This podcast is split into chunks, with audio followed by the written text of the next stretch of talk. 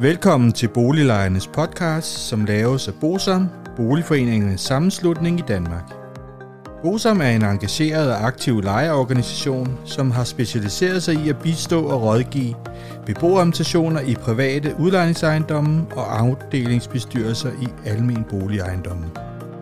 Formålet med Boliglejernes podcast er at informere lejerne om nogle af de problemstillinger, som vi ved, at mange lejere ofte spørger om samt at give mulighed for, at nogle aktuelle problemstillinger bliver belyst ud fra et lejerperspektiv.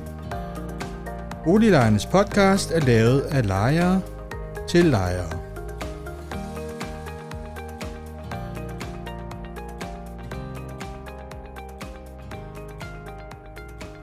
Velkommen til Boliglejernes podcast.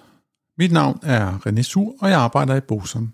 I dag skal det handle om boligbeskatningens betydning for lejerne, og det er jo et utroligt aktuelt emne, fordi lige meget hvilken avis man åbner eller tv-avis man ser, så handler det jo egentlig om alle de vurderinger, der er kommet ud til alle ejerboligerne. Det, som er forstemmende, det er selvfølgelig, at man slet ikke forholder sig til, om det overhovedet har nogen betydning for lejerne. Og man kan i hvert fald sige, der er nu ikke kommet nye vurderinger for de store beboelsesejendomme, hvor der sker en masse udlejning. Men vi kan dog sige noget ganske generelt, når vi ser på egentlig, hvad der står i aftalen. Og den aftale, den er faktisk tilbage fra den 2. maj 2017, hvor af regeringen, og det var dengang Venstre, det konservative Folkeparti og Liberal Alliance, samt Socialdemokratiet, Dansk Folkeparti og det radikale Venstre. De indgik en aftale omkring boligbeskatning. Og baggrunden var, at den seneste ejendomsvurdering var for 2011, fordi at ejendomsvurderingssystemet har været suspenderet siden 2013. Og på den baggrund ville man så overgå til et nyt ejendomsvurderingssystem, som skulle være mere retfærdigt. Det, der var det store problem, det var, at der var nogle boligejere, især i de større byer, der er det især hovedstadsområdet, der betalt for lidt i forhold til boligens værdi, mens yderområderne de betalte for meget i boligskat.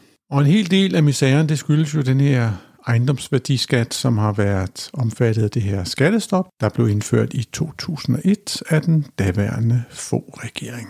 Det man så har aftalt der tilbage i 17, det var jo man allerede i 2018, der skulle komme nye vurderinger, og det er jo alt sammen blevet forsinket, men vi kan læse, hvad der er baggrunden for, at man vil lave et nyt boligvurderingssystem. Og man kan jo sige ganske overordnet, så er baggrunden, at man vil tage udgangspunkt i de reelle værdier af for eksempel en grundværdi. Det har man ikke tidligere gjort, men at man simpelthen vil gå over til mere øh, markedsprisfastsættelse, hvor at når priserne går op, så stiger skatten, og når priserne går ned, så falder skatten. Når det så er sagt, så står der jo aftalen, at man også, når vi snakker lejere, så vil man også forholde sig til de der 20 procent i forsigtighedsprincip. Og når vi ser på, hvad man forventer i aftalen, så forventer man, at cirka 60 procent af lejeboligerne vil få et fald i grundskylden, mens de resterende 40 procent forventes at stige. Og de lejeboliger, der ifølge aftalen forventes at stige, de ligger i hovedstadsområdet, Odense og Aarhus. Det er så meningen, at de her lejeboliger, de skal få en skatterabat, som vi også har hørt om for ejerboliger. Hvis vi prøver at forholde os lidt til de forskellige typer lejeboliger, så kan vi dele dem op i lejere i privat udlejning, hvor man i de større byer først og fremmest vil beskatte udlejningsejendomme med samme grundskyldspromille som ejerboliger.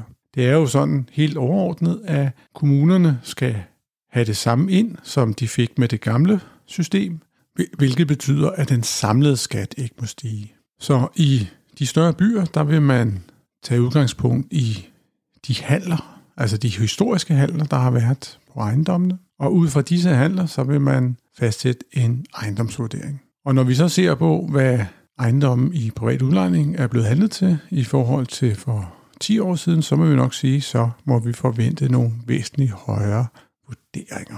Vi kender dog ikke grundskyldspromillen, men vi må forvente, at den bliver lavere end tidligere, da selve vurderingen af grundene stiger, men at kommunen ikke må få et højere proveny.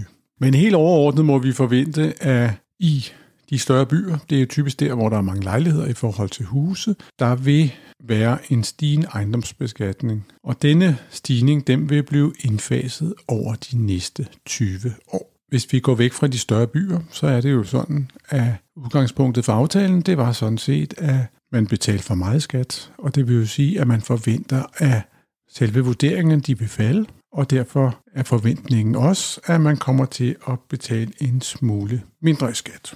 Hvis vi ser på alle lejerne i den almindelige boligsektor, så indførte man ikke i den gamle aftale nogen stigningsregel, andet end at man ønsker en rimelig huslejeudvikling i den almindelige boligsektor. Og det betyder jo selvfølgelig, at det er lidt uafklaret, hvad der sker for lejerne i den almindelige boligsektor, hvilket selvfølgelig ikke på nogen måde er acceptabelt.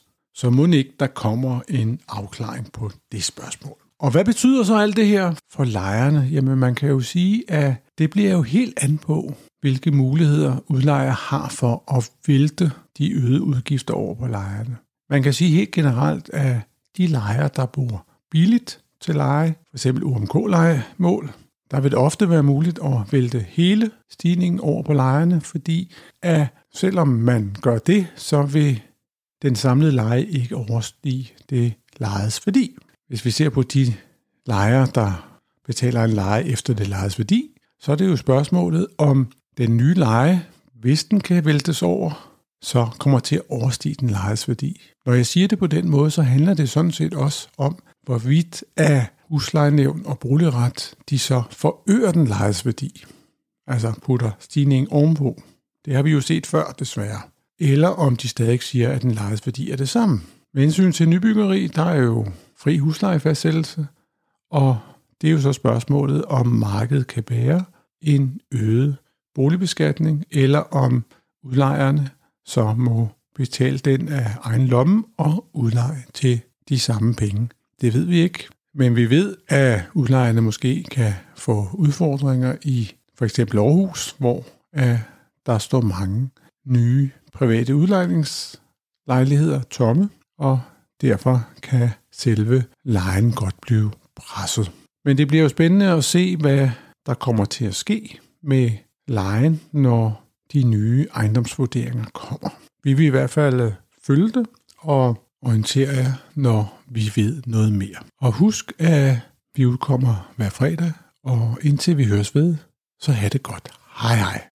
Hvis du synes om Boliglejernes podcast, vil vi blive rigtig glade, hvis du deler episoden med dine venner, og måske giver os en anmeldelse og nogle stjerner i iTunes, så vi derved kan komme ud til mange flere lyttere. Oplysningerne i denne podcast er udtryk for vores opfattelse af retsstillingen på nuværende tidspunkt. Men husk, at retsstillingen kan have ændret sig, når du hører denne podcast, da der kan være kommet ny lovgivning eller praksis på området. Den videre er vigtigt at være opmærksom på, at gennemgangen i denne podcast alene har været overordnet for at give et overblik og derfor ikke kan regnes for en udtømmende gennemgang af emnet.